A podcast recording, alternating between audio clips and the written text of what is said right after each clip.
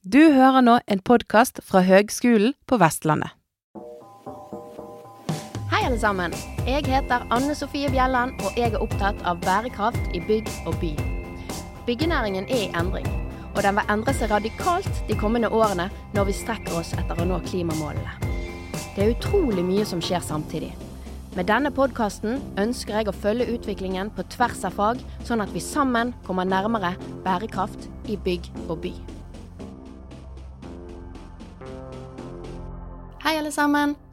Vi står som kjent i både en klimakrise og naturkrise, der vi eh, både får økt ekstremvær, som vi er nødt til å takle, og så er vi jo nødt til å rett og slett skjerpe oss, bygge ned mindre natur og restaurere natur og etablere natur der vi får det til. Og det som er interessant med dette her, det er jo at eh, dette gir rom for eh, spennende nye synergier i vårt bygde miljø. Her snakker jeg om naturbaserte løsninger der man på en måte etablerer økosystem som skal gjøre tjenester for oss, kalles økosystemtjenester. Og det er på en måte um, å etablere natur som, um, som, skal bidra med temperering i et område, som skal bidra med drenering i et område, som skal bidra med biologisk mangfold, som vi jo trenger for å sikre både matproduksjon og eh, ikke minst gir oss en, eh, en, glede. I tillegg til at dette er hyggelige plasser å være for mennesker, og det stimulerer til aktivitet, så det har også et folkehelseperspektiv. Eh, og disse løsningene her, de de kan man se i økende grad i bybildet, og ikke minst på bygg. Så jeg ville snakke med noen som har prøvd seg litt på dette her, spesielt da på grønne tak, og kanskje til og med mattak. Jeg har snakket med anleggsgartner Sigurd Boasson. Hallo igjen. Hallo igjen. Takk for at du tar deg tid til å prate med meg. ja, det er jo hyggelig. Ja, Så bra. Først må vi liksom snakke litt om, om deg og din bakgrunn. og rolle der du er i dag?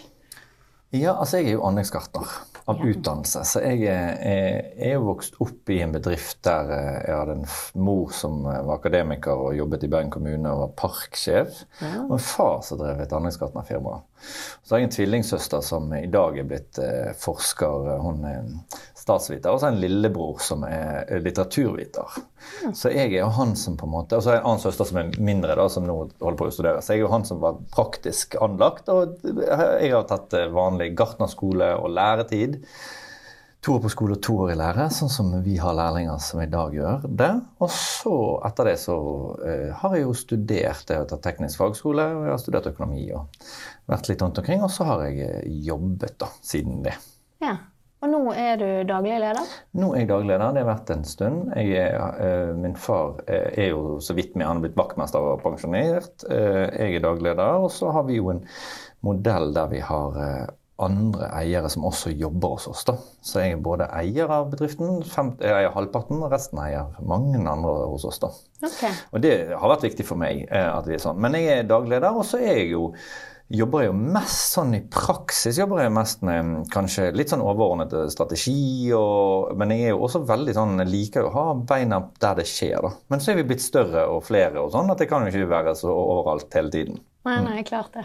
Men hva driver dere med, da? Hvilke tjenester leverer dere? Vi er jo sånn tradisjonelle. Sånn, vi bygger jo hager for folk og gjør sånne ting. og Klipper mm. plener og sånn. Men vi, vi eh, er jo også en urban entreprenør, vil jeg si. Men vi er veldig opptatt av å fremholde at vi er anleggsgartner. Selv om vi har store maskiner og graver dypt og legger rør og sånn, så er vi opptatt av det ferdige produktet til slutt. Mm. Og så eh, driver vi jo ganske bredt. altså Anleggsgartnerfaget er jo ganske bredt. Det er fra liksom, klipping av roser og plen til eh, sånn som vi gjør det hos oss, da, til masseutskifting og legging av ny infrastruktur som vann og avløp og strøm og alt dette. Mm. Til eh, brostein og den biten der som er toppdekkeutbygging. da, altså by, Byromsfornying i, i Bergen sentrum. Eh, og Vestlandet. da Vi strekker oss litt opp nordover og litt sørover. Okay. Eh, og så har vi bygget tak i mange år.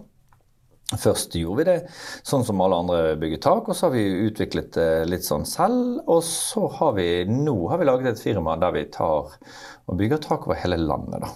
Men når når du heter- sier tak, så mener du grønne tak? mener grønne tak. Jeg Ja, mener ikke, altså, ikke vanlige nei, tak. Altså, jeg er veldig, jeg er veldig opptatt av at takene skal være tett når vi kommer, Ja. og så skal vi eh, bygge de grønne. Ja. Og da eh, tenker jeg ikke sånn Vi er ikke så opptatt av grønne tak versjon 1.0, da. Hvis vi sier at det er de sedumattene som veldig mange tenker på som grønne tak, som er sånn 30 mm, og det er det. Mm. Vi snakker om grønne tak som på en måte svarer ut en del av de bærekraftstingene vi legger inn i tak, da, og biologisk mangfold og sånn, men også Eh, største motivasjonen for å bygge grønne tak, eller for å være på tak, er for jeg tenker vi må ta det i bruk. Altså Vi må ta byrflaten i by... altså, Når vi tar et eh, areal på bakken, så bør vi minst, og vi har bestemt at det skal være flatt tak, så bør vi i det minste på en måte tilbakeføre det da, til opphold og rekreasjon, og gjerne putte på med mest mulig ting. da. Og det vi gjør i Mattaket, er at vi også dyrker grønnsaker på takene. Veldig stilig. Veldig stilig. Ehm, men kan du fortelle litt om hvordan dere jobber før vi liksom går opp på taket? Ja. Hvordan man jobber med utomhus? Eh, altså, hvordan samarbeider dere med landskapsarkitekt? Altså, i, på enkeltprosjekt, får dere egentlig bare en bestilling, eller har dere medvirkning i Ja, det er jo eh, ulike eh, måter vi gjør det på. Sant? Altså det er jo, for det er jo en sånn ulik entrepriseverden der ute. Sant? Så enten så er det sånn at vi eh, går inn og er en del av et stort utbygging som en underentreprenør av de store, f.eks. Eller vi kan også vi, vi, Mesteparten av våre kunder er jo offentlige aktører, og vi har veldig mye egne entrepriser. Og som oftest så er det utførelsesentrepriser, der det, vi går inn og utfører eh, et stykke arbeid da, som er beskrevet. Eller det kan også være totalentrepriser der vi har med oss rådgiverne som landskapsarkitekt og andre rådgivere da, som skal til for å bygge det vi skal bygge. Men eh, vi liker jo og tror at vi har en eh, innflytelse på prosjektene som gjør at de kan på en måte bli bedre, da, hvis vi med våre praktiske øyne og vår teoretiske bakgrunn da, kan på en måte være med å utvikle det. Så Vi jobber veldig tett med landskapsarkitekter, men vi jobber også em, tett med veldig mange av de andre um, rådgivermiljøene. Da. For landskapsarkitektene er jo veldig viktige på det overordnede plannivået. Men ofte når det kommer til liksom, det praktiske og tekniske, sant, så ender vi jo ofte Eller dette er jo en det er ikke alltid sånn, da, men jeg eh, syns jo eh, nå er jo ikke, Jeg snakker jo av og til som jeg er 82, sant? jeg er bare 44. Men, men jeg syns jo av og til at landskapsarkitekter, som alle andre rådgivere, begrenser sitt eget eh, virke litt. da. At de er så livredde for å ta avgjørelser som er utenfor det de egentlig er komfortable med. så Derfor overlater de alt mulig annet til andre. Men jeg tenker en landskapsarkitekt kan jo fint tegne et fundament på noe. Trenger jo ikke inn en veiplanlegger for å bygge et fundament. Altså, så jeg tenker at vi må tørre å ta litt større ansvar. Vi tar, som entreprenører tar jo masse risiko hele tiden. Ja, på ting som bare det er ikke Ja, vi- definert, så da får vi Nei, finne en god, god løsning. Så er det jo sånn at jeg tenker Vi har jo bygget ting i ualminnelige tider. Sant? Vi har bygget mange Natursteinsmur, f.eks. Mm. I dag er det blitt sånn at hvis du jobber på Statens vegvesens eh, prosjekter, så skal jo natursteinsmuren også bygges bakover, og ikke bare i høyden. Sant? Altså, det er jo liksom en sånn formel som noen har funnet på. Og det er klart at jeg tror Noe av dette kan man regne hjem, men noe, noe kan man og bare bygge sånn som man har bygget i gamle dager, med gode masser bak. Sant? Det, vi har jo av og til en tendens til å, til å gange ting med sikkerhetsfaktor på fire. Sant? Mm. Og det har jo også noe med kostnadsbildet å gjøre. da. Ja, og bærekraft i forhold til med ressursbruk. Ja, godt poeng. Men, men jeg lurer på, for i en sånn prosjekteringsprosess, da, vi har jo kikket litt på liksom en del sånne spesielt boligprosjekter, og da er det jo gjerne en utomhusplan laget av landskapsarkitekt og sånn, men det er veldig varierende hvor detaljert den er. På noen så er det plantelister, liksom. Eh, På noen så er det fint lite. Så spørsmålet mitt er vel, eh, ja, altså er det sånn at Noen ganger så er det sånn vær så god, løs eh, utomhus, eller er det stort sett definert i detalj? I hvilken detaljeringsgrad er det, liksom? Ja, Det varierer. På mange av totalentreprisene så tenker jeg at det eneste som tjener på det da, er eh, totalentreprenøren. Eh, fordi at da leverer man eh, det minst mulig man kan til funksjonen. Sånn, så funksjonplen er jo kanskje at den skal se grønn ut. Men det betyr ikke at den skal være spillbar. altså skjønner du? Altså det, det er litt sånn Funksjonssykkelstativ er at du kan sette en sykkel der. Eh, sant? Og, men eh, skal den ha farge, skal den se fin ut? skal den være, sant? Og jeg tenker at Vi trenger ikke bruke pengene på sykkelstativ eh, nødvendigvis hvis vi, hvis vi har lite av de. Men det som er en tendens, da er at man lager ganske overordnede planer, og så skal man utføre det, og så kommer man på slutten av byggetiden, så har man lite penger igjen, og så smører man pengene utover, så det blir nesten, det blir dårlig overalt. Istedenfor å samle alt, og tenker vi i hvert fall gjøre noe her som er bra, og så kan vi kjipe på resten. Men veldig ofte så er fast dekke på en måte. Hvis det står fast dekke i en funksjonsbeskrivelse, så vil ti av ti eh, store entreprenører tenke det er asfalt. Ja, det så hvis ikke man har definert det til en eller annen eh, belegningsgrad, altså, ja. altså en eller annen sånn naturstein eller et eller annet sånt, og beskrevet mer hva det skal være, så blir det ofte det Sånn er det jo, sant? Ja. Så, sånn at um, vi er jo inne der eh, i prosjekter som er litt mer enn bare sånn pølsestøpt kranstein mm. og asfalt. For det tenker jeg det kan hvem som helst klare. Trenger du egentlig, det, altså det, det, det er et stykke arbeid. Men vi jo, har vært med på ganske mange bolig- og utbyggingsprosjekter der vi er inne sammen med landskapsarkitekten og uh, spiller ball og rådgir, og, og vi knar og vender på ting og sånn. Så, Jeg tenker jo spesielt på dette med biologisk mangfold. Sant? Hvis det òg blir en sånn eh, sparepost. Eller sånn, Det er jo ulike planter som koster ulike greier. Eh, Men det er liksom en, slags en eller annen sånn Akkurat nå føler vi, vi eh, Og det handler litt om i vår bedrift så har vi, vi har tatt mål av oss til å bli klimanøytral i 2030. og Det er mange bedrifter som har nå. Vi er blitt med i Klimapartner. Men det har tvunget oss til å tenke hva er det egentlig vi holder på med, og hvordan skal vi i vår bedrift gjøre dette. Og Da har vi valgt oss ut to spydspissprosjekter. Det ene er elektrifisering av anleggsmaskiner, og det andre er på en måte det som går på tak. Og Det som går på tak, er på en måte alt det som vi på en måte kan snakke om i forhold til økologisk eh, drift og bærekraft i på en måte et overordnet nivå. For vi tar inn de tingene vi kan, men også i, i mm, er biodiversitet. Og så tar vi det tilbake til driften vår. sant? Sånn at nå når vi eh, står overfor en planteplan, så sier vi til utbyggeren ja, men du vil ikke ha spiselige planter her. Altså busker som har spiselige bær istedenfor bare de der. der. Kjedelige prydtrærne. Når jeg på Gartnerskolen så lærte vi at eh, vi måtte plante Det var en sånn veldig fin kirsebærsort som ikke hadde bær. Så det er jo det som er plantet overalt. Og hvis du har sett rundt Lillungården, det, det er fantastisk sant, den blomstrer, men hvor er bærene? ja. De er ikke der. Nei. Og hvorfor er de ikke der? Nei, det er fordi vi ikke liker sølet som bærene skaper på i bybildet. Så vi planter jo da planter som ikke har noen annen verdi enn at de ser fine ut. Og det tenker jeg det er bra, for vi skal også ha sommerblomster sånn blomsterpaviljong. Det hadde ikke vært fint hvis det bare var kål, men vi kunne jo kanskje ha noe spiselig der, da. Kål kan være fint. Bærbusker. Sånn, så det, det tenker jeg, det, det, det utfordrer vi mange av våre kunder på nå, da. Skal vi bytte ut noen av de der eh, alperipsen som er fin og blomstrer, med noen vanlig rips, kanskje, som har liksom avling. altså Vi kan bare solbærer, vi kan epletrær med, med epler på. Så, og det handler jo også om at vi skal få ut noe nytte, men det handler jo også om at vi på den andre siden at vi skal bruke planter i dag som vi før så på som ugress. Sant? Altså Vi skal tenke hva er det som er på denne plassen? Kan vi tilføre noe biologisk mangfold? Altså, Vi står overfor en klimakrise, men vi står også overfor en naturkrise. Og den er jo den er mye lettere å ta tak i for hver enkelt av oss, hver enkelt utbygger, hver enkelt reguleringsplan, enn klimakrisen. Hvordan skal vi gjøre den, da? Nei, det tenker jeg, sånn som Vi har gjort, eh, vi har noen gode eksempler. Vi, bygget, eh, vi har vært på taket på The Plus, som er eh, du har hørt om det, sant? Eh, Møbelfabrikken Vestre sin, sin nye fabrikk på Magnor ute i skogen. Der var det ikke nødvendig å tilføre nødvendigvis dette med overvannshåndtering på taket. Men poenget var at vi tok, der gjorde vi alt som på en måte eh, eh, vi har lært da, og jobbet sammen med byggarkitekter med å få dette til. Det var de som hadde tegnet det. og så tok vi annet skogsbunn og malte opp og puttet inn i vår lettjord og la på taket. Og det vi oppnår da er at vi får med oss frøbanken fra det området som er der, opp på taket. Så vi får en slags naturlig revegetering av den vegetasjonen som er der. Så får vi ikke skog på taket, men vi får randsonevegetasjon. Og så i tillegg så gikk vi altså rundt på høsten og plukket frø av planter i området. Ikke alle mulige, sant? men vi var, det var liksom tre-fire forskjellige typer sorter. tok vi det med oss hjem, og så uh, lagde vi noen sjøl, og så lagde vi noen ut på Toppe gartneri. Så de uh, tiriltunge og um, Ja, mest var tiriltunge uh, blant annet det, Nå står det helt stille for meg, men altså vi på en måte produserte det opp. Sant? Og så tok vi det tilbake igjen, så plantet vi ut. Og da har vi stedegne planter som vi vet passer i det området, og som på en måte er, passer inn der. da. Ja, ja, ja.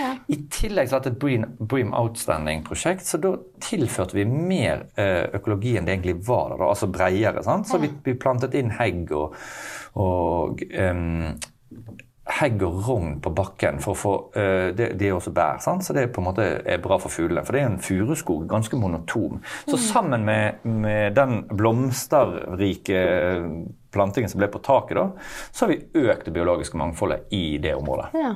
Der, ja, der har du et eksempel på både at du bruker stedlige masser, Mhm. sant? men også arter. Ja. Er dette det vanlige nå? Nei, det er ikke det vanlige, vil jeg ikke si. Men på buebygget som vi har bygget for Bar Eiendom, har vi gjort noe tilsvarende sammen. Sant? Så Ja. gjennom de her, og derfor jeg gikk innom de spydspissprosjektene våre, for gjennom det så kan vi på en måte ta noe av den kunnskapen vi på en måte lærer oss der, og internalisere den og bruke det jevnt over. Så jeg tror vi er langt fremme på denne typen. Det er mange som snakker om dette, sant? Ja. og det er masse utbyggere som snakker om det, okay. men det er få som gjør noe med det. Ja. Sant? Det er liksom noen som gjør det. sant? Men hva er standarden i dag, da? Altså, Hva er det liksom de fleste gjør?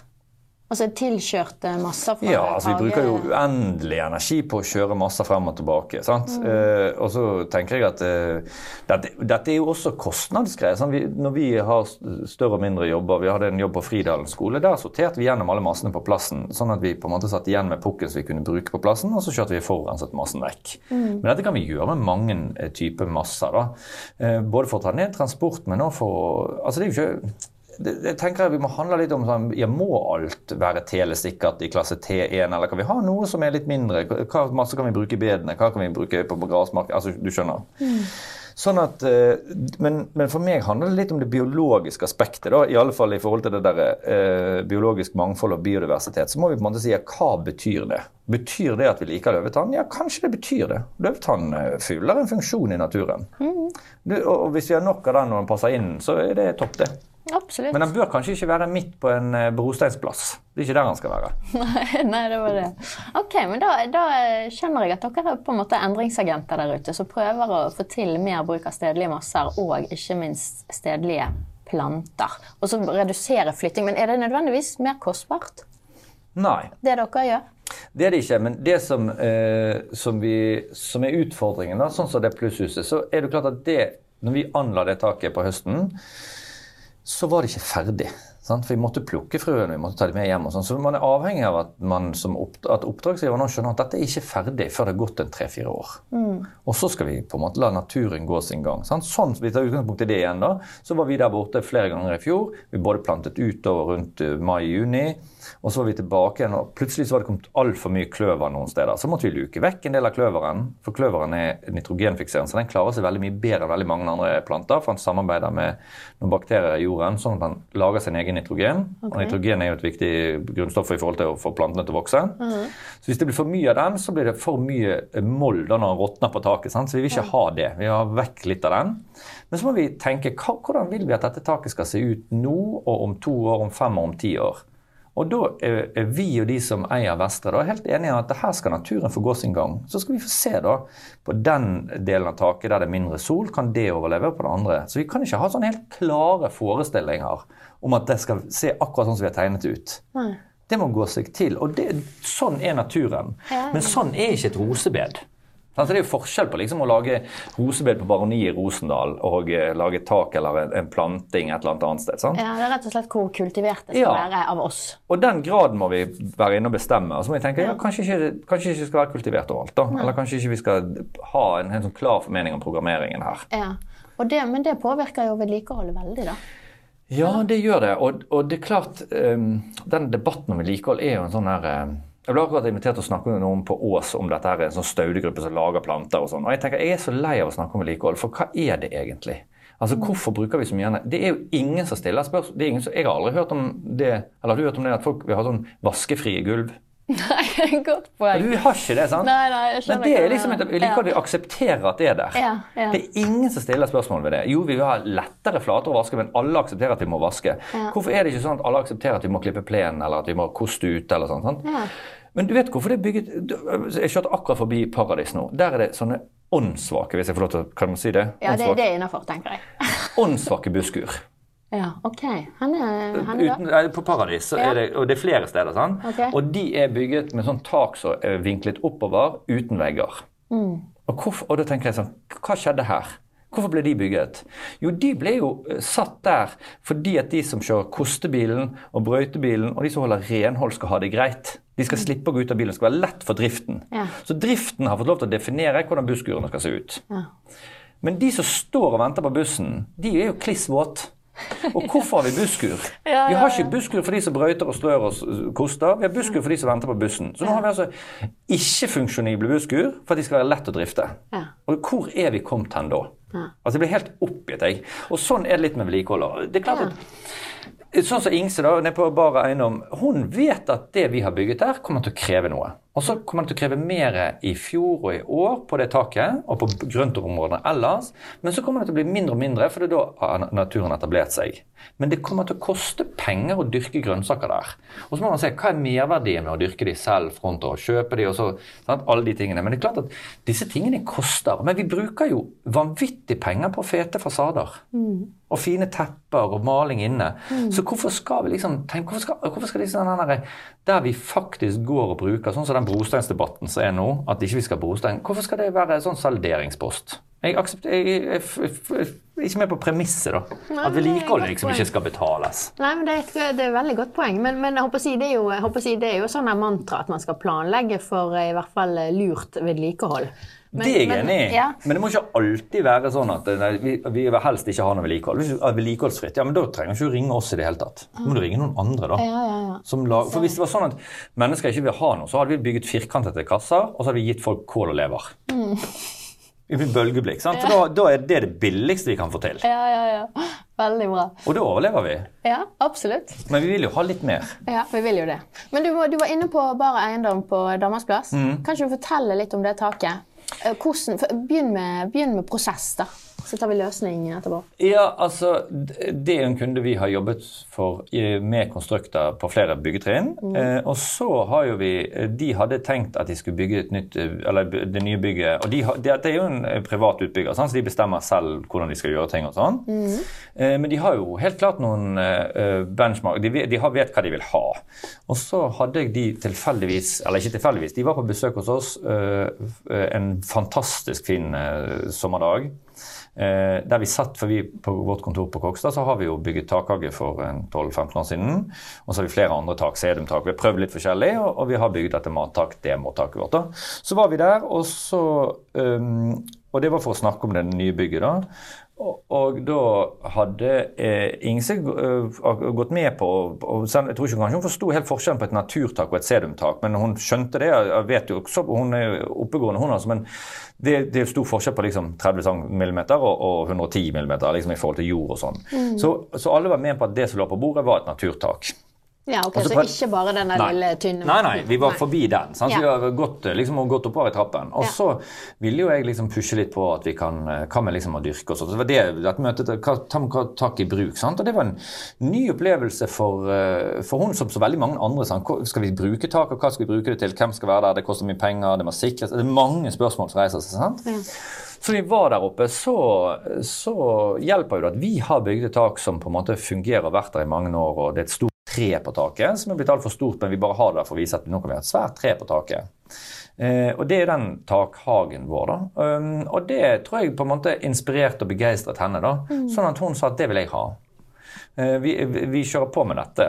Og så engasjerte vi eh, vår landskapsarkitekt som heter Christian Holo, som driver et firma som heter Holo Holo, som tegner for eh, og jobber sammen med oss i, i Mattak. da. Yeah. Sånn at da gikk vi i verk der og på en måte mm, så på taket under ett. Og, og, Ingse var jo tydelig på hvor mye arealer hun ville bruke. altså sant, Det er jo 1200 kvadrat, så det var ikke så meningen å bruke 1200 på en måte i forhold til opphold. da. Mm. Men vi eh, hadde en god prosess der vi eh, foreslo hvordan vi tenkte dette kunne løses.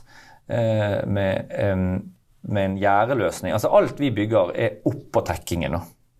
Sånn at vi, vi, har en sånn eggekartong-dreneringselement som vi legger oppå toppen. Mm -hmm. Og så uh, bygger vi oppå der. Så vi har selvbærende gjerder som er sånn skråstilt, som blir vektet ned av jorden. Sånn. Men i alle fall hele den prosessen var at vi på en måte hva er mulig å få til her? Og hvis du spør en rådgivende ingeniør på betong hvor mye vekt kan vi ha på taket, så svarer jo han eller hun akkurat det uh, punktet der det er minst vekt. Det er det du får, da. 100 mm. kg. Mm. Nei, tenker vi det, tenker jeg. altså 100 kg, det kan ikke stemme. Jeg skjønner det er midt på taket der borte. Kanskje 100 kg, kanskje 200. Men hvor mye kan vi få langs gesimsen? Jo, jo, der kan du få mye mer. Ja, men hvor mye? Ja, 250-300. Ja, men da er det fint, da vet vi det. To meter inn, ja, kanskje to meter inn. Sant? Så må vi knekke det ned sånn. Mm. Og så plutselig så har vi områder der vi kan ha 350 kg på kvadraten. Mm. Og da kan vi bygge masse. Og så, må, så det Vi gjør da, vi tegner det ut, vi programmerer det selvfølgelig i, i 3D, alt vi gjør, men vi tegner det også ut på plan, for det tror jeg er viktig at vi har en plan. Og så legger vi opp en sånn vektberegning. da. Dette, kost, dette veier det. Dette veier det. Terrassedekk veier 70 kg. Jorden her borte der det er naturtak veier 170 Gjerdeløsning må vi ha 300 på. Og så ser vi da. Og så flytter vi rundt på ting. Og så kan vi da på en måte skikkelig detaljere det, og så kan vi bygge det. Veldig stilig. Men noen spørsmål. Noen Ja. spørsmål. For når du da regner dette her, da regner du vel med masse mettet masse? Altså full Ja. av vann, eller et eller annet? Ja, så vi regner jo at Ja, men så er det på en måte den jorden som vi på en måte lager, da. Noe med jorden? Nei, Nei. det må vi ta. Ja. Altså hva slags jord man bruker, og drenering og Ja, Den dreneringen er jo Ja. viktig, sant? og den holder jo også tilbake vann. For det er et viktig argument i dag at vi på en måte kan holde tilbake vann. Vi var innom et stort prosjekt i Trondheim, og det var enormt mye kvadratmeter. Og de hadde også et krav om å holde tilbake igjen eh, ganske mange kubikk med vann. da. Jeg tror det var sånn 28 kubikk eller noe sånt. Det er jo ganske mye liter. Men det er klart at hvis vi bare på dreneringselementet vårt holder tilbake igjen 8 liter da, på kvadraten, og ganger det opp med antall eh, kvadratmeter, så klarer vi å svare ut veldig mange sånn enkeltregn. Ja, da vet vi at det holder vi tilbake igjen. Så kan vi på en måte la være å bruke pengene på dyre konstruksjoner i bakken, men kan heller ha det på taket.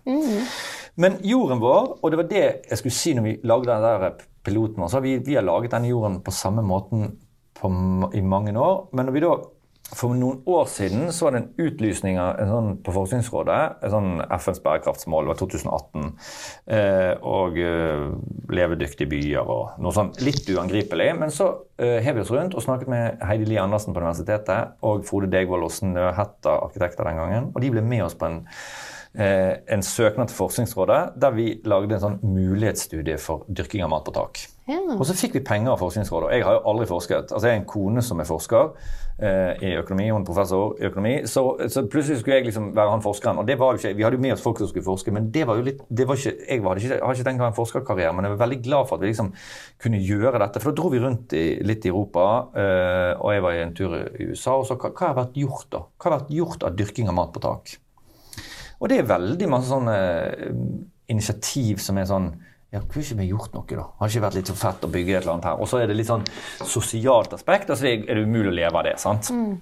Eh, men i alle fall, da, ut av dette, når vi da skulle bygge vårt tak, var ferdig med den der eh, forskningsbiten, eh, så bygget vi taket og så tenkte vi, da må vi i alle fall gjøre det vi på en måte, Nå snakker man veldig mange om sånne ord som vi på en måte må gjøre våre. Hva betyr sirkulærøkonomi for oss? Hva, altså Hvordan skal vi gjøre dette? Så tenkte vi det vi må fokusere på nå, er at vi må gjøre det vi, altså vi må internalisere språket, og så må vi på en måte gjøre ting som vi forstår. Så sirkulærøkonomi kan bety så mangt, men det kan jo også, i alle fall for oss, bety at det vi bygger nå, må kunne rebrukes. Og det er jo ikke noe det er jo ikke noe sånn revolusjonerende i seg sjøl, for det gjorde man jo på 50- og 60-tallet. sant? Og så glemte vi det bare på 70-, 80- og 90-tallet. sant? At vi, eh? Men, men det at vi tenker når vi bygger ting, at det skal rebrukes da tenker jeg, Så alt vi har, er modulert opp, sånn at det kan skrus fra hverandre og demonteres og tatt med seg et annet- sted. Okay. Allerede når vi bygger det. Ja. Eh, Så det er ingen sveiseforbindelse på taket, vi skrur det sammen og pakker det sammen og tar det med. Og det kommer vi sikkert ikke til å gjøre, men det er noe med at vi har tenkt igjennom det, da. Og så har vi tenkt ok, vi skal jo ha noe omramming av plante- og dyrkearealene. Det må vi lage lettest mulig, og så bør vi lage det av et materiale da, som er grønnest mulig. Og da falt vi ned på mm, aluminium, da, som er det grønneste metallet. På gjerdeløsningene har vi kortenstål. Vi klarer ikke liksom få aluminium på alt dette. Men eh, så har vi eh, prøver vi å bruke treverk da, som er kjerneved furu. Og så kan vi være enige om at det ikke er like holdbart som Accoy eller et eller annet fancy produkt. Men det er helt naturlig. Det gir ingen avrenning eller giftstoffer eller noen ting som man kan sette spørsmål ved til jorden i forhold til det å dyrke grønnsaker. Og så er det billig. Og så er det liksom dyrket i Sverige eller Norge. Eller, ja. Så sånn har vi gjort med alt. da, Men jorden vår den har vi laget sånn som dette i mange år. Det er et tysk konsept som heter Sinko, som vi var en del av en stund før vi gikk ut av det. Og, men vi har tatt med oss liksom kunnskapen. da. Og den består av tre hovedkomponenter, som er kompostert jord, altså kompostert hagefall. Eh, knust bygningsteggel. Ok. Gjenbrukt. sant? Og den er, har den egenskapen at den også er litt sånn, den suger litt vann. Ja. Og så har den sporer som gjør at det er bra for mikroorganismer. Okay. Og så har vi leker. Og leker skulle vi helst hatt noe annet materiale på, for det er jo et sementbasert materiale. Men vi kan også bruke gjenbruksleker. da. Det er Men, sånn lavastein. Ja, men den er jo fraktet fra Island Jo, jo. og gravd ut, og ikke særlig fornybar. Okay. Så det, det blir liksom hipp som happ Like i gale, ja. Ja, eller like bra. Eller like bra, ja. Men den er lett, da. Ja. Og den er jo også kan jo, Så lenge vi bare har den i jorden, så er den jo puttet inn i jorden. Altså Det tar 1000 år å lage en centimeter med jord. Mm. Så, det, så det, vi, vi, når vi har komponert den i jorden, så den bør vi i hvert fall ta vare på i evig tid. Mm. Men da eh, har vi en jord som er laget av resirkulerte materialer til stor grad, eh, og som er veldig lett. Altså vi sier at Han har nok egenvekt. Det kommer litt an på når vi måler den og hvordan vi gjør det. Men, men vi, vi har jo mest lyst til å oppgi den som egenvekt på 1, men vi sier 1,1 når vi regner den. Ja, okay. Så, og det er også når han er vannmettet. Han er jo lettere når han er tørr. da. Og så er det lettere å eh, Vi trenger jo mindre tilbakeholdelse av vann i jorden i Bergen enn det vi gjør på Østlandet. Naturlig nok med 2,5. nok, så mye nedbør, sant? Men i alle fall, det vi også gjør med den jorden, for den er jo helt død, det finnes ikke noen mikroorganismer eller noe liv der, så da tilfører vi det flytende form. da. Så vi lager noe som heter jordte, som egentlig bare tar en tønne på 200 liter med vann, og oppi der så putter vi litt grann eh, økologisk gjødsel, blader, eh, altså sånne grønne blader som, av ting som vokser, eh, og så litt grann sukker, altså melasse, og så putter vi oppi litt jord fra, hvis vi skal ha det på dyrking, da, så putter vi oppi dyrkbar god jord for å få med oss mikroorganismen der. Ja. Så putter vi det i en akvariepumpe, så lar vi det stå i to dager eh, med oksygen. For da på en måte får vi en oppblomstring av mikroliv, og så vanner vi det ut igjen. Luddig. Og da tilfører vi eh, mikroliv i jorden. Og så har vi målt dette. da, så Vi sender jorden vår til sånn mikroskopianalyse, der man faktisk teller mikrolivet i jorden vår. Og så har vi benchmarket mot eh, tradisjonelt drevet jord. da, Og så ser vi jo at vi har mye bredere sammensetning av mikroliv, og mange eh, flere av hver enkelt mikrobe. Stilig, stilig. Ok, men nå snakket vi Men nå snakket vi langt ut fra det du spurte om. Nei, nei, det er veldig veldig nyttig. Men nå har vi snakket om på en måte hvordan det ble til, og så hvordan, det, hvordan selve konstruksjonen var. Men Ja. jeg er òg interessert i gjennomføringen, for du er tross alt oppå et sårbart tak og driver og, og Ja. herjer, holdt på å si. Ja, og da er det sånn at eh, vi har eh, til gode, nesten vil jeg si, eh, å komme på et tak som ikke som er, som er tett når vi begynner. Ja. Vi tar vanntest. Ja, tak, Jeg må jo bare spørre, for det, Ja. Mm. jeg er jo bygningsfysiker på bunnen, sant? og tak er jo the big issue. Mm. Si det, sånn, sant? det er jo den største utfordringen vi har. Altså På bygningsfysikkonferansen som ble avholdt i høst Mm. for oss nerdene innenfor bygningsfysikk, så sier en innleder den beste takterrassen er den som aldri bygges. Så, så på en måte, jeg ser jo utfordringer der med. Liksom, vi har i utgangspunktet en utfordring med å få tette tak, Mm. spesielt flate. Og så skal vi gjøre greier oppå toppen der. Men det er, ikke, det er ikke vi som lager de hullene. Det må bare være helt altså, Nei, nei. For det er det jeg mener. Vi har ikke vært borti et tak som er tett når jeg kommer. Nei. Fordi det er ikke ferdig? Er det det Fordi det er slurv, eller man har ikke tekket ja. godt nok, eller fordi det står en sånn der patron som du vet du fuger med, sant? står rett gjennom tekking. Altså det er skruer og drit og lort. Altså Jeg går på alle tak jeg plukker skruer. Ja. Men når, når det på en måte er rensket og kostet og ryddet, og vi har hatt de 15 cm stående der i de alternativene, og det er tett, så legger vi ut altså en fiberduk, en ganske tjukk filtduk, og så legger vi på denne drenselementet, som er en ganske tjukk, stiv plastisk, plastikk resirkulert. Og da kommer det ikke noe Det er ikke sånn at røttene gnager seg ned og går gjennom kjapt. Altså, det skjer ikke. Nei, så det, det er egentlig denne knottedingsen din som gir Ja. beskyttelse mot Ja, og at eh, da er, vi, da er alle andre håndverkere ferdig her, og da er det tett. Mm. Så det er, vi har ikke hatt lekkasje på noen av de takene vi har bygget. Mm, Så bra. Nei, altså ennå har ikke vi det, og vi har holdt på i 15 år. Ja, veldig bra. Men vi har jo hatt lekkasje på de takene som kommer. altså Det mener jeg nesten uten unntak, altså. Ja. Og det kan være en sånn enkel ting om at akkurat i takneløpet der så har man glemt en eh, brett på, på tekkingen, eller man har ikke vært nøye nok, eller at det er en skrue. Sant? Det er masse skruer og drit og lort. Så det tenker jeg er liksom Og det kan jo være konstruert feil. Sant? Det kan jo være forskjellige ting, men som oftest blir jo det avdekket oppover. Sant? Men, men dette, er, mm, dette er et kjempeproblem, det er jeg enig med deg i. Men det er ikke Og så er det noen da som mener ja, men hvis vi støper på betong, så, så er vi sikre. Tenker, nei, nei, nei, jo, Da bruker vi jo all vekten da på å støpe på 7 cm betong. Og hvis det er en lekkasje under der, så vil du aldri finne ut av det. Nå kan vi jo bare ta vekk jorden, ta vekk knotteplasten eller den der så finner du i hvert fall hullet. Men har du betong, så har du ikke mulighet. Nei, det er et godt poeng. Så det er jeg ikke Og så En annen ting som forundrer meg, er at det er veldig sjelden vi får lov til å ha Jeg vil jo hver gang si sånn Ja, kanskje dere lage fall 1 på 80? Åh, sier sånne som deg, da. Nei, vi må ha 1 på 40. Ja, hvorfor må vi ha 1 på 40 på taket når vi ikke har 1 på 40 ute? På bakken, liksom. Inn til bygget. Der er jo en på 100, eller i hvert fall en på 80 er akseptert. sant? Så kan vi være enige om at vi kan få bygge flate tak en på 60. For da slipper vi å ha så veldig skeive flatetak. Ja, men det kommer vel an på helheten, da. Altså, det kommer jo an på Hvor langt du har mellom slukene og sånn. Jo, men da er vi ute og utfordrer noe, da. Men Ja, ja, i alle fall, når vi er ferdig med alt det der, og taket er tett, så bygger vi det. Ja. Og da eh, er det jo sånn at der nede på buen, da, eh, så har vi bygget eh, Av de 1200 kvadratene så er 500 bare naturtak. Og på den nedre delen, der det er 700, så har vi både naturtak Vi er tilrettelagt for noen hauger med villbier, og vi har noen store hauger der det er mer jord. Så vi har plantet hyll og blåbær og tyttebær og sånn ute der man egentlig ikke skal gå. Og Innenfor det der gjerdet så har vi fokus på at alt skal være spiselig. Men Sånn at Der har vi busker som er spiselige. Vi har et par grønne for det, Um, At det ikke skal være helt sånn uh, goldt. Og så har vi noen vintergrønne, og da har vi brukt einer som får einebær, så man kan ta det inn. Og så har vi uh, laget et dyrkeareal som skal dyrkes og drives av Søtt og Salt, som driver kantinen i bygget. ja.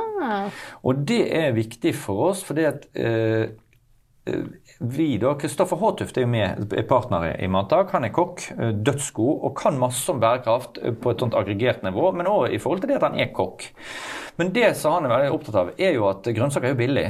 Men så hvis vi skal på en måte selge inn dette, da, så kan det ikke være sånn at den grønnsaken, vi skal tjene masse penger på den grønnsaken, og så skal vi selge den til de som bor i huset. For da, da kommer jo folk til slutt og tenker at dette er altfor dyrt. Mens kokkene da, og de som jobber i restauranten der, hvis de kan bruke bitte litt grann av sin tid så de allikevel er på bygget, til å drive den grønnsakshagen, så er det både gøy for dem, men det er også ganske stort input. Da. Det, det er et bidrag i kantinen.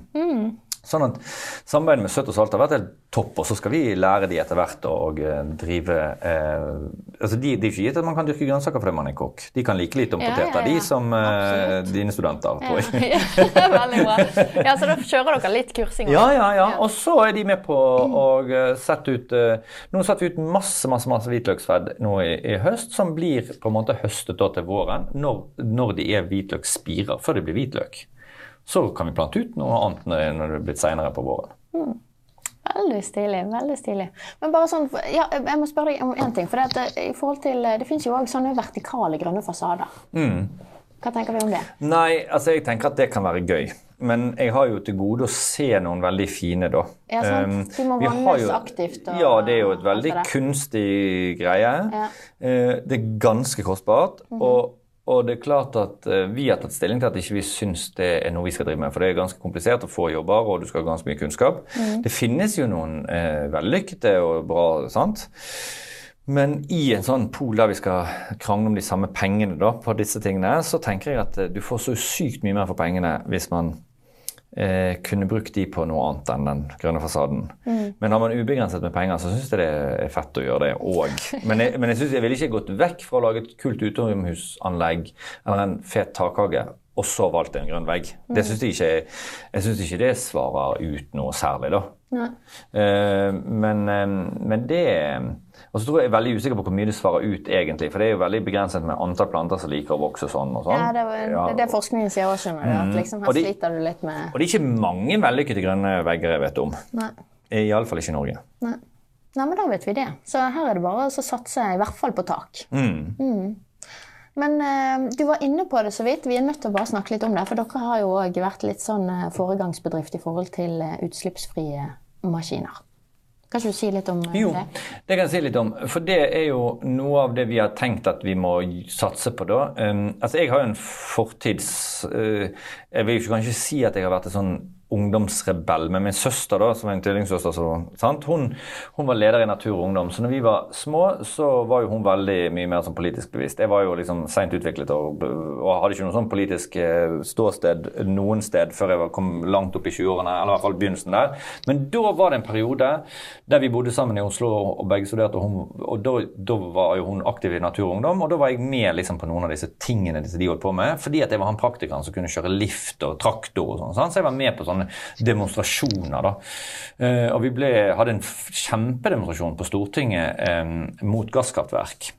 Eh, så jeg kan jo skryte på meg at jeg har vært fengslet da, for, for mitt klimaengasjement. Men den gang var det kanskje like mye som klimaengasjement som at det var action. Men det er klart, jeg har nå et ektefølt klimaengasjement, så jeg tenker at dette må vi jo ta tak i alle som er en. Og så hva kan vi gjøre i vår bedrift? Jo, vi kan jo jobbe med de tingene vi kan styre noe på. Sant? Vi vet jo at det er noen regulatoriske krav som kommer. Eh, men så tenker jeg, Og vi kan jo velge å vente til liksom, eh, vi blir påtvunget til å, å, ikke få kunnskapen, eller vi kan også være med på å dra utviklingen. Da. Så vi har tenkt at vi har lyst til å, å bli god på elektriske anleggsmaskiner. Og så samtidig har vi tenkt at vi skal prøve å gjøre det uten at det skal være en sånn type maskin som er bygget som en dieselmaskin, og så ble bygget om til en batteridrift. Det tenker vi liksom, det må jo være en tungvint måte. Så vi jobbet med vår største leverandør av maskiner, som er Liber. Og sa at vi vil gjerne ha en elektrisk gravemaskin. Og det hadde de ikke. Så var det mye frem og tilbake, så til slutt så hadde jo de en maskin som sto på sånn industrilinjen, da, altså som på en måte driver med søppelhåndtering. Og, og den var bygget for strøm, men gikk direkte på kabel. Ingen batteri, men direkte på kabel. Og så eh, fikk vi da eh, bygget en sånn maskin om til gravemaskin, at den bare skulle grave istedenfor å løfte.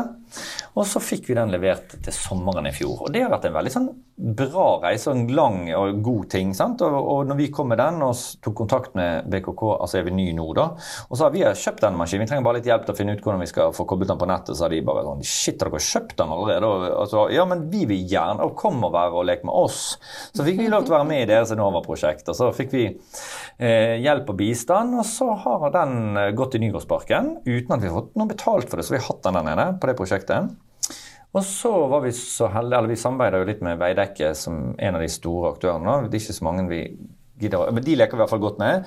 Og i alle fall da så spurte de om vi hadde lyst til å være med de på eh, bybanejobb, da, der de trengte elektrisk gravemaskin. Og da sa vi det vil vi gjerne, vi har en elektrisk gravemaskin, dere må hjelpe oss med strømmen. Og da tjente ikke vi noen særlig mer penger på den, men vi har ikke hatt noen utgifter til drivstoff. da. Det har de ordnet. sånn. Sånn at gjennom det så har vi jo på en måte lært oss en del eh, om hvordan, dette, hvordan skal vi rigge oss til, og hva skal vi gjøre, hva som er bra, og hvordan, hva er begrensningene og sånn.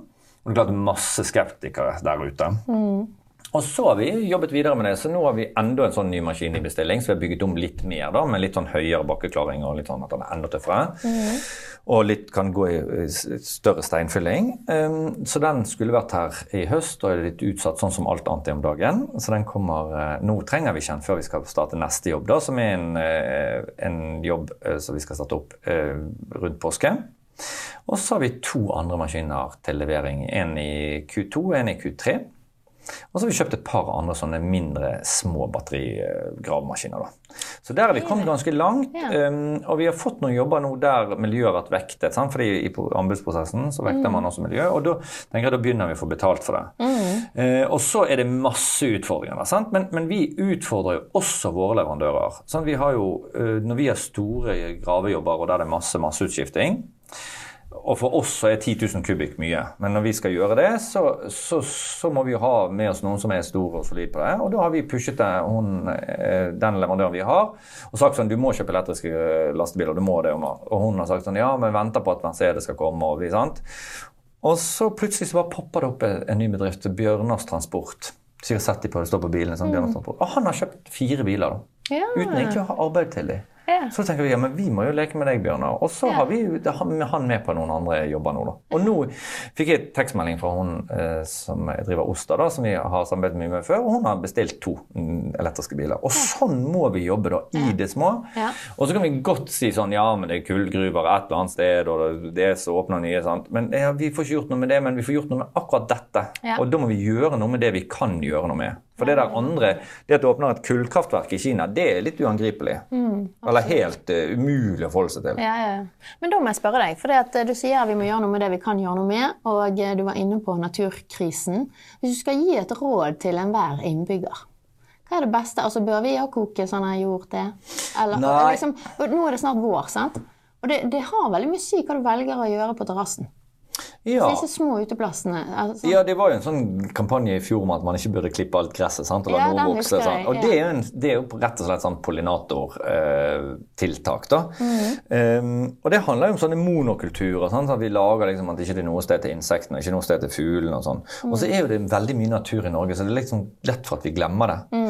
Men, men jeg tenker at det vi kan gjøre, er å være opptatt av disse tingene, tror jeg. Og påvirke der vi kan påvirke. Sant? Og, så, og så tenker jeg at det å så øhm, lære barna våre hvordan vi dyrker mat, tenker jeg er en veldig sånn fin ting. sant? Det kan man gjøre en ganske enkel greie på terrassen. Man kan ta litt en bøtte for den saks skyld og fylle litt grus nederst og ta noen hull så det er litt drenering. Fylle jord, sette et par poteter, og så har man dyrket eh, poteter.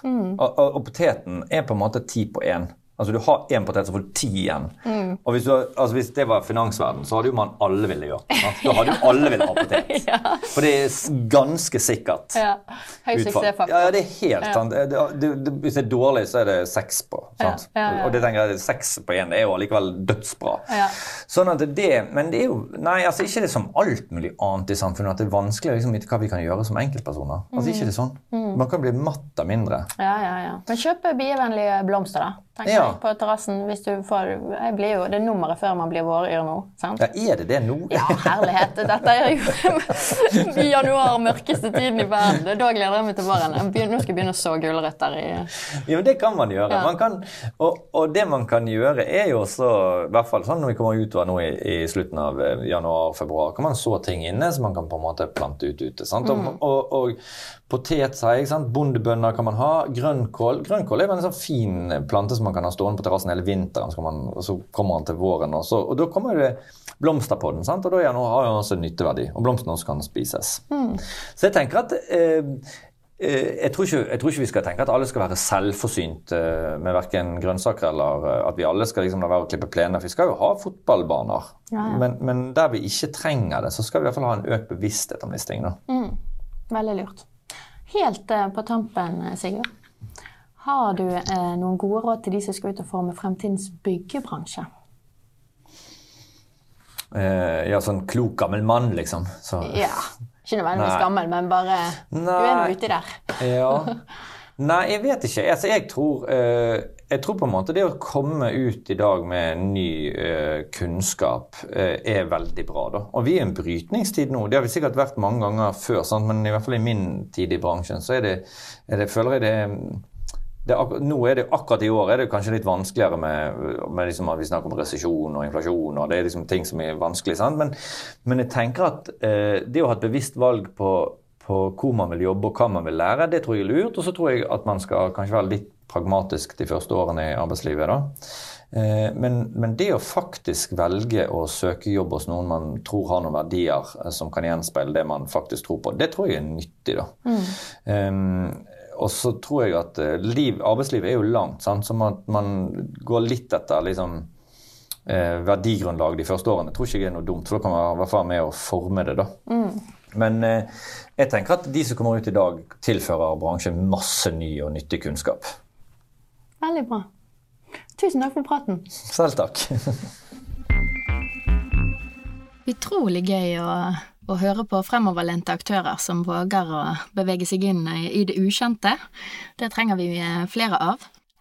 Og så eh, er det jo interessant også å se på effekten av disse takene. Nå var Sigurd litt inne på det, men eh, Asplan Viak har sammen med NIBIO og NMBU forsket på nettopp blågrønne tak, eller eller vegeterte tak, da, blant annet på Vega scene, og der monitorerer de eh, fordrøyningen, så du kan se faktisk hvor mye vann som strømmer gjennom eh, i øyeblikket. Så du kan gå inn på NVE sine sider og, og, og se på, det er ganske stilig.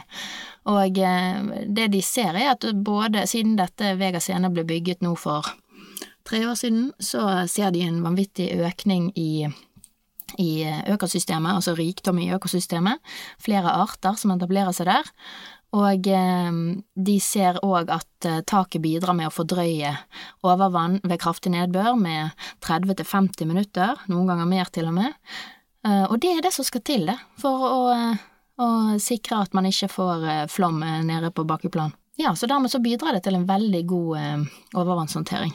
I tillegg, som er litt gøy, så er jo dette her med på å både hindre varmetap, det har en isolerende effekt, denne jorden, eh, i tillegg til at den har en kjøleeffekt på sommer, for da får du jo denne her eh, kjølingeffekten der du får eh, vann som fordamper oppe i jorden der, som gjør at overflaten på dette taket ikke blir så, så høy som han kunne blitt, da. Så dette er sånn Vinn, vinn, vinn, vinn, vinn, vinn. Utrolig bra. Så flere av de, så er det bare kunsten å ha tett tak under. ha det godt.